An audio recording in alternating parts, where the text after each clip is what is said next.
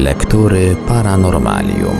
W Radiu Paranormalium kontynuujemy prezentację niezwykle interesującej książki pod tytułem My z kosmosu, autorstwa nieżyjącego już badacza i publicysty Arnolda Mostowicza. Większość sensacyjnych jak na lata 80. spraw do dziś nie znalazła satysfakcjonującego wyjaśnienia. Na antenie prezentujemy w odcinkach wydanie drugie tej książki z 1984 roku.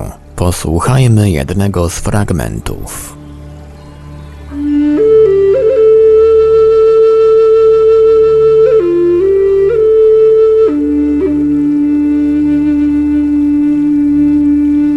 Niektóre z kamieni składających się na Kromlech w Stonehenge trzeba było sprowadzać z kopalń oddalonych od Kromlechu o 400 kilometrów.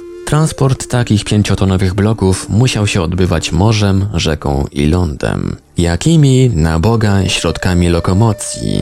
Inne bloki, te większe, pochodzą z kopalń znajdujących się znacznie bliżej. Ale i te potężne bloki trzeba było odłamać, a następnie precyzyjnie obciosać. I to tak dokładnie, by były lekko zakrzywione. Gdyby tego nie zrobiono, na skutek iluzji optycznej wyglądałyby jak wklęsłe. Potem bloki te trzeba było ustawić i położyć na nich olbrzymie płaskie głazy. Wszystko to, nie zapominajmy, z dokładnością do jednego centymetra, gdyż inaczej obserwatorium minęłoby się ze swoim celem. Ile to wszystko wymaga wiadomości teoretycznych jak i praktycznej znajomości matematyki, fizyki i mechaniki. Kto to wykonał? Otóż znamy na tyle prehistorię, by wiedzieć, kto zamieszkiwał w tych czasach tereny dzisiejszej Anglii. Tereny te były zamieszkane, albo raczej powiedzmy, powinny były być zamieszkane przez ludzi z epoki kamienia, którzy jeszcze nie znali brązu i miedzi, a którzy właśnie zaczęli uprawiać ziemię i zajmowali się prymitywną hodowlą. W każdym razie stali na bardzo niskim stopniu rozwoju.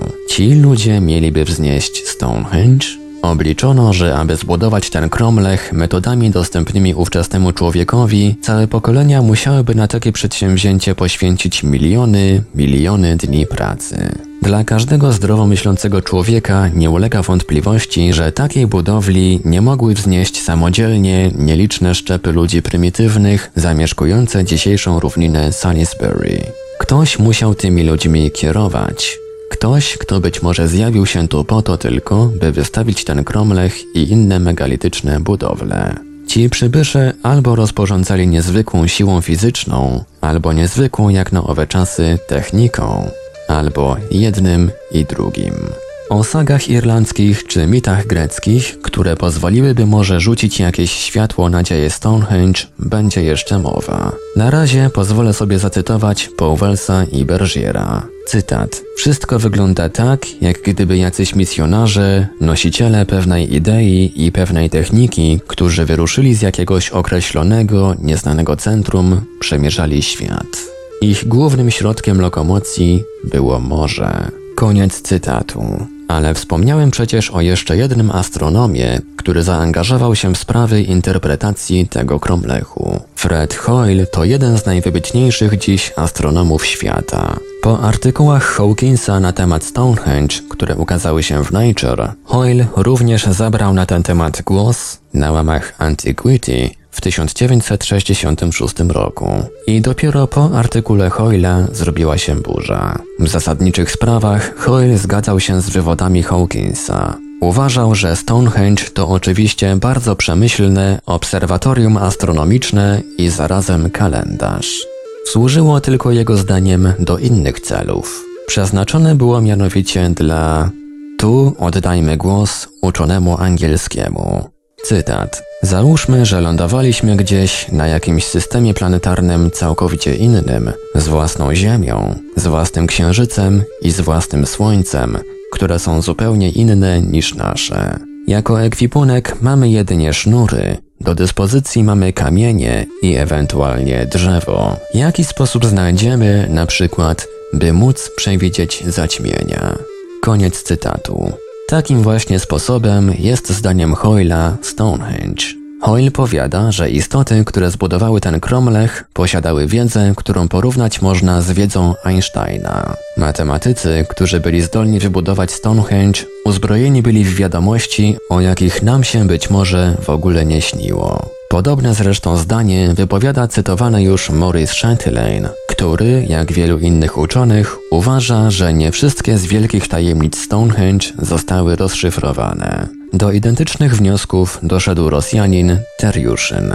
Maurice Chatelain stwierdził, że miarą używaną przy wznoszeniu Stonehenge była stopa, zwana celtycką, względnie łokieć półtorej stopy. Stopa celtycka mierzyła 2764 dziesięciotysięczne metra, a łokieć 4145 dziesięciotysięcznych metra. Otóż średnice poszczególnych kół, o których wspomniałem opisując Stonehenge, mają następujące wymiary 112, 315 i 385 stóp odpowiadające im obwody 352, 990 i 1120 stóp. Oprócz tych szczegółowiej opisanych kręgów znajdują się tam inne jeszcze, mniej już dzisiaj wyraźne, o średnicach 89, 140 i 189 stóp, a ich obwody wynoszą odpowiednio 264, 440 i 594 stopy.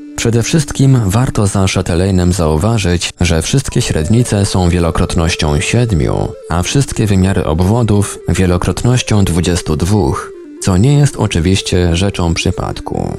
Świadczy to bowiem o tym, że owiceltowie sprzed tysięcy lat znali wartość pi. 22 dzielone przez 7 jest prymitywniejszą, ale nie o wiele mniej dokładną formą wyrażenia wartości 3 i 14 setnych. Chatelain, podobnie jak Teriuszyn, uważa, że Stonehenge pozwala obliczyć odległość Słońca od wszystkich planet naszego systemu, co dowodzi, że były one znane budowniczym Kromlechu. A przecież odkrycie niektórych z nich, Neptun, Pluton, jest owocem nowożytnej myśli naukowej. Co więcej, obliczył on, że ustawienie poszczególnych elementów Stonehenge odpowiadało dokładnie punktom wschodu i zachodu dziesięciu głównych gwiazd 12 tysięcy lat temu. Tymi gwiazdami są Vega, Castor, Alcyon, Aldebaran, Alter, Rigel, Sirius, Antares i Formalhaut. Czy jest możliwe, aby był to tylko przypadek? Skoro zaś mowa o wymiarach Stonehenge, to Shetland zwraca uwagę na następujący fakt. Według wszelkiego prawdopodobieństwa wielkości wszystkich przedhistorycznych stóp i łokci były pochodnymi od wielkości stopnia długości geograficznej na różnych szerokościach geograficznych. Jeśli jest to prawda, byłby to jeszcze jeden taran burzący naszą wiedzę o czasach przedhistorycznych. Kto bowiem zna długość stopnia geograficznego, musi wiedzieć, że Ziemia jest kulą i musi znać wymiary tej kuli. Stopa celtycka, według której budowana Stonehenge równa się 2764 dziesięciotysięczne metra i jest jedną 240-tysięczną częścią stopnia długości wynoszącego 66 i 325 dziesięciotysięcznych metra na 53 stopniu 52 minucie szerokości północnej. Ale Stonehenge leży na 51 stopniu i 17 minucie. Chatelain wysuwa stąd wniosek, że w czasach kiedy Cromlech ten budowano, biegun znajdował się prawdopodobnie o 2 stopnie i 35 minut bliżej Stonehenge niż obecnie, co jednocześnie mogłoby pozwolić na ustalenie daty wzniesienia tej budowli. Mówiąc o Tiahuanaco, wspomniałem o największej tamtejszej budowli, jaką jest świątynia Kala Sasaya. Kala Sasaya budowana była według miary długości wynoszącej jedną stopę Tiahuanaco. Tak nazywają ją uczeni. Stopa ta równa się 2972 dziesięciotysięczne metra. Gdyby rzeczywiście zasada, jaką sformułował Shaitlane, była słuszna, czyli że stopa jako miara długości używana przez różne cywilizacje była zawsze pochodną stopnia długości geograficznej, przez którą przebiegało centrum tej cywilizacji, konkretnie jego 240, 300, 320, 360 tysięczną częścią, to stopa Tiahuanaco powinna wynieść mniej, bo tylko 2966 dziesięciotysięcznych metra. Na szerokości 16 stopni 27 minut stopień długości geograficznej liczy 106 790 metrów, co podzielone przez 360 tysięcy daje stopę o długości właśnie 2966 dziesięciotysięcznych. Otóż Scheitlein twierdzi, że ta różnica wynika bądź z faktu, iż w miejscu, gdzie leży Tiahuanaco, kula ziemska posiada coś w rodzaju garbu i stopień długości jest tutaj nieco dłuższy, bądź z tego, że Tiahuanaco obejmowało swoim zasięgiem obszar o wiele większy niż obecnie i długość stopnia obliczana była o 53 km bardziej na północ, bądź też ze zwykłej omyłki w obliczeniach. Ciekawe, że sześcian stopy Tiahuanaco w centymetrach wynosi mniej więcej 26 250, co jest również dokładnie wagą w gramach odpowiadającą jednemu talentowi złota lub srebra. A talent był przed kilkoma tysiącami lat miarą wagi tych metali używaną przez większość ludów z kręgu Morza Śródziemnego. Albo więc już w zamierzchłych czasach istniał handel między Ameryką Południową a tymi ludami, co już samo w sobie jest wystarczającą rewelacją, Albo, co jest jeszcze prawdopodobniejsze, wspólne są korzenie cywilizacji tych ludów. Na średniej szerokości Egiptu jeden stopień długości geograficznej wynosi mniej więcej 96 tysięcy metrów. Jeśli tę wielkość podzielimy przez 320 tysięcy, otrzymamy stopę o długości 0,3 metra. Stopa ta była używana przy budowie piramidy Hefrena. Sześcian tej stopy daje objętość 27 tysięcy centymetrów sześciennych, czyli 27 tysięcy gramów wody. Jest to dokładnie waga talentu egipskiego. Talent zaś egipski równał się 60 sepom o wadze 450 gramów, 600 debenom o wadze 45 gramów lub 6000 kitów o wadze 4,5 grama, co jest prawdopodobnie najstarszą miarą w systemie dziesiętnym, lecz nie jedyną starą. Była ona bowiem znana również i w Babilonie, ale z przykładów tym razem zrezygnuję, nie chcąc zbytnio rozpraszać uwagi czytelników. Ale raz jeszcze przypominam, że ten system miar długości i wagi świadczy o olbrzymiej wiedzy, co już samo przez się wystarczy do zrewolucjonizowania wszystkich naszych wyobrażeń o prehistorii. Pozwolę sobie przytoczyć jeszcze jeden przykład, aby udokumentować tę prawdę. M. Phillips w książce Quataban and Sheba wydanej w Nowym Jorku w 1969 roku, podaje, że na pustyni arabskiej odkryto stare ruiny przedislamskie budowane według stopy wynoszącej 3037 dziesięciotysięcznych metra. Skąd się ona wzięła? Otóż Maurice Scheidlein, niezmortowany w swoich obliczeniach, przypomniał sobie, że znaleziono w swoim czasie starą mapę arabską, o mapach będzie jeszcze mowa, na której równik podzielony był na 44 części. Jeśli się uwzględni, że wartość pi znana była starożytnym jako 22 podzielone przez 7, czyli 3 i 142 tysięczne, a nie 3 i 141 tysięcznych jak w rzeczywistości, to nie trudno zrozumieć, że podział równika Ziemi na 44 części był o wiele praktyczniejszy niż każdy inny.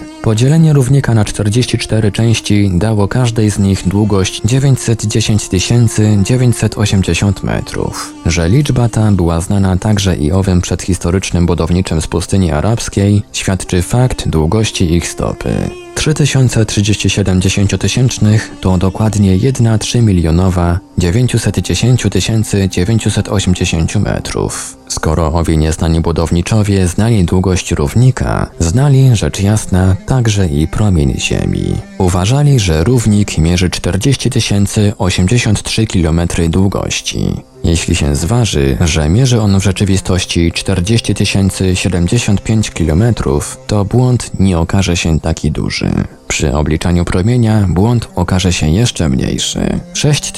6378 km zamiast 6388. No, ale wróćmy do Stonehenge, skąd rozpocząłem tę wędrówkę po przedhistorycznych miarach długości i wagi. Dyskusja wokół tego kromlechu daleka jest od zakończenia. Dlatego też nie mogę zamknąć tego rozdziału bez przytoczenia głosów sprzeciwu i oburzenia, jakie padły przeciwko niekonwencjonalnym interpretacjom Hoyla i Hawkinsa. Najwięcej hałasu wywołał w Anglii artykuł Jacket Hawks, archeologa. Głos jej sprowadza się do zasadniczego argumentu. Czy można przypuścić, że podobnie dokładne obliczenia, jakie wynikają z hipotez i dowodów Hawkinsa i Hoyla, mogły być wykonane w szałasach prymitywnych biedaków z okresu neolitycznego?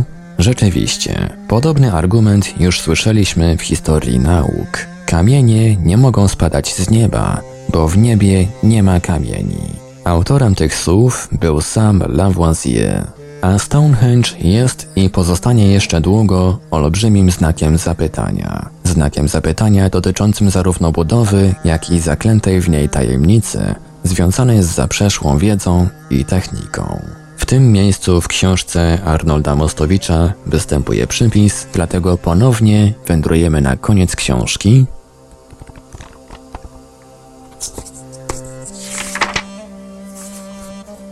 I czytamy. Już po oddaniu niniejszej pracy do wydawnictwa rozmawiałem z Aleksandrem Kazancewem, który w sierpniu 1976 roku bawił w Polsce na zjeździe twórców literatury fantastyczno-naukowej. Otóż podczas wywiadu, który dla tygodnika Razem przeprowadziłem z pisarzem radzieckim, opowiedział mi on o prowadzonej ostatnio w Związku Radzieckim analizie kromlechów Stonehenge z punktu widzenia matematycznego. Sądzę, że warto tu przytoczyć wyniki tych badań, aczkolwiek całej pracy dotyczącej Stonehenge, a ogłoszonej w ZSRR nie zdążyłem przeczytać. Zresztą jest to historia, która z pewnością każdego zainteresuje.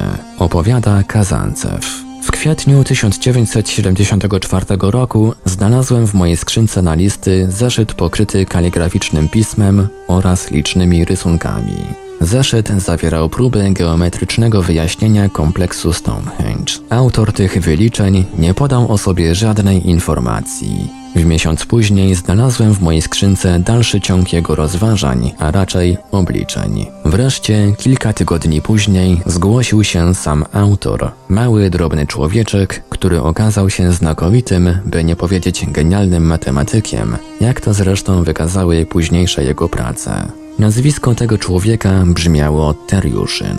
Otóż zdaniem Teriuszyna i zgodnie z jego obliczeniami geometrycznymi w kromlechu Stonehenge zawarte są szczegółowe informacje dotyczące wszystkich planet naszego systemu słonecznego, ich średnice, odległości między nimi oraz odległości między nimi a Słońcem. Ponadto jest tam również podana wartość pi. Wprawdzie znam się nieco na matematyce i wszystko wydało mi się sensowne, ale chciałem wysłuchać opinii człowieka bardziej ode mnie w tych sprawach miarodajnego. Zwróciłem się więc do profesora Awińskiego, mineraloga i geologa z Kujbyszewa. Profesor Awiński wszystkie te dane dokładnie sprawdził. Okazały się bez zarzutu. W 1975 roku Teriuszyn wygłosił odczyt w Moskiewskim Towarzystwie Miłośników Przyrody. Notabene jest to towarzystwo o niebyle jakich tradycjach. Jego członkami byli Faraday, Mendelejew, Sieczenow, Pastyr i inni. Odczyt Teriuszyna wywołał sensację i uznany został za najlepszy wykład roku. Nie ulega wątpliwości, że Stonehenge było i obserwatorium, i czymś w rodzaju zaklętej w głazach wiedzy. Tę wiedzę budowniczowie przekazać chcieli tym, którzy kiedyś potrafią ją odczytać. Nie wiemy, kto zbudował Stonehenge, ale przecież Cromlech ten nie jest jakąś budowlą jedyną w swoim rodzaju. W 1971 roku ukazała się praca uczonego angielskiego Toma Megalityczne obserwatoria księżycowe. Tom stwierdził, że było mnóstwo kamiennych obserwatoriów astronomicznych na zachodnim brzegu Szkocji. Przeznaczone były, zdaniem autora, nie tylko do obserwowania zaćmień, ale także do badań astronomicznych znacznie poważniejszych. Twierdzi on, na podstawie żmudnych obliczeń, że wzniesienie tych obserwatoriów wymagało wiedzy matematycznej i astronomicznej wprost oszałamiającej, jak na czasy sprzed 35-40 wieków. Chciałbym tu podkreślić, że zagadki związane z Cromlechem Stonehenge to tylko fragment jednej wielkiej zagadki i tajemnicy, jaką stanowi budownictwo megalityczne. Dotyczy to zarówno budownictwa megalitycznego w Europie, jak i na całym świecie.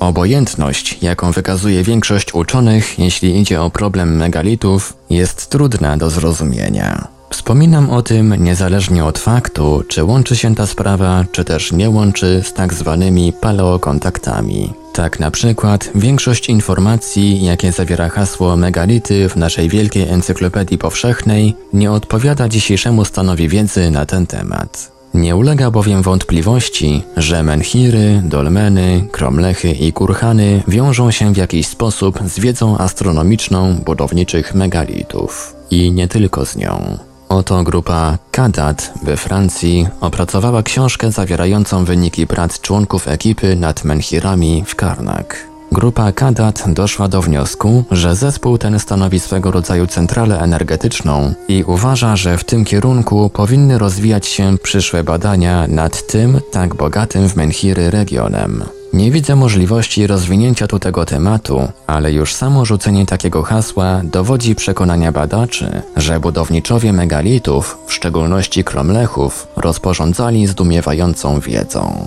Warto tu wspomnieć o jeszcze jednym przykładzie. Dr Robbins, badający w Anglii zjawiska zachodzące w kromlechu Wroldrite, składającym się z trzech części, kromlechu o nazwie The Kingsman, menhiru noszącego nazwę The Kingstone oraz grupy menhirów The Whispering Knights, doszedł do wniosku niewiele odbiegającego od wniosków grupy Kadat. Uważa on mianowicie, że w kromlechach zachodzi proces aktywizacji energetycznej, której celem jest wykorzystanie fal magnetycznych Ziemi. W każdym razie budowle megalityczne to dział, który zostaje dopiero rozpoznawany przez współczesną naukę. Ten rozdział naszej historii został zapisany 4 do 6 tysięcy lat temu i świadczy o niezwykłej wiedzy tych, którzy go określili. Kim byli ci, którzy taką wiedzą rozporządzali?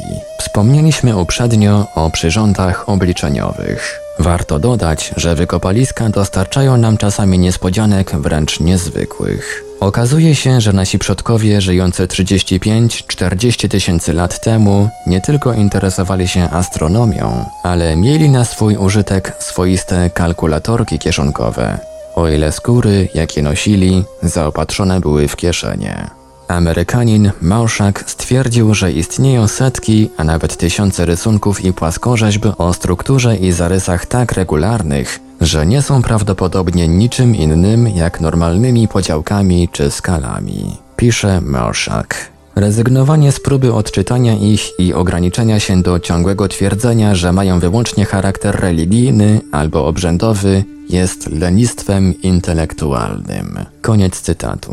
Jeden z najciekawszych takich przyrządów znaleziono podczas wykopalisk na Ukrainie. Nie jest to zresztą przykład izolowany. Przyrząd ten wyrzeźbiony został z kła mabuta. Liczy sobie 25-30 tysięcy lat. Znajduje się na nim skala odpowiadająca miesiącom księżycowym z podziałką na poszczególne dni. Przy czym instrument pozwala skorygować podziałkę 30-dniową do 29,5 dnia, to jest do tylu dni, ile wynosi miesiąc synodyczny. Pominę resztę opisu działania tego kalkulatorka mamuciego i przytoczę tylko końcową uwagę Chauvena. Astronomowie dawnych czasów. Uczeni matematycy, rozbitkowie jakiejś cywilizacji nieznanej i zaginionej, czy podróżnicy kosmiczni zagubieni w barbarzyństwie Ziemi z okresu neolitycznego, a może ludzie genialni, którzy byli jednocześnie przywódcami ludu. Kto nam powie, kim byli naprawdę?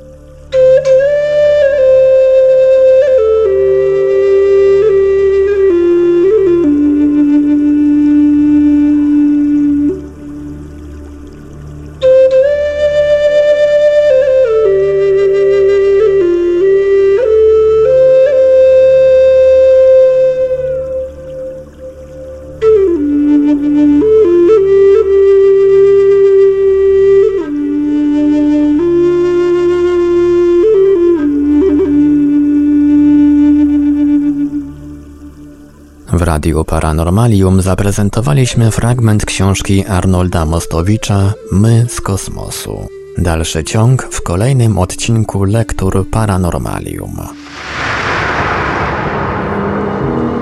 Archiwalne odcinki Lektur Paranormalium znajdziesz do pobrania w archiwum naszego radia na stronie www.paranormalium.pl.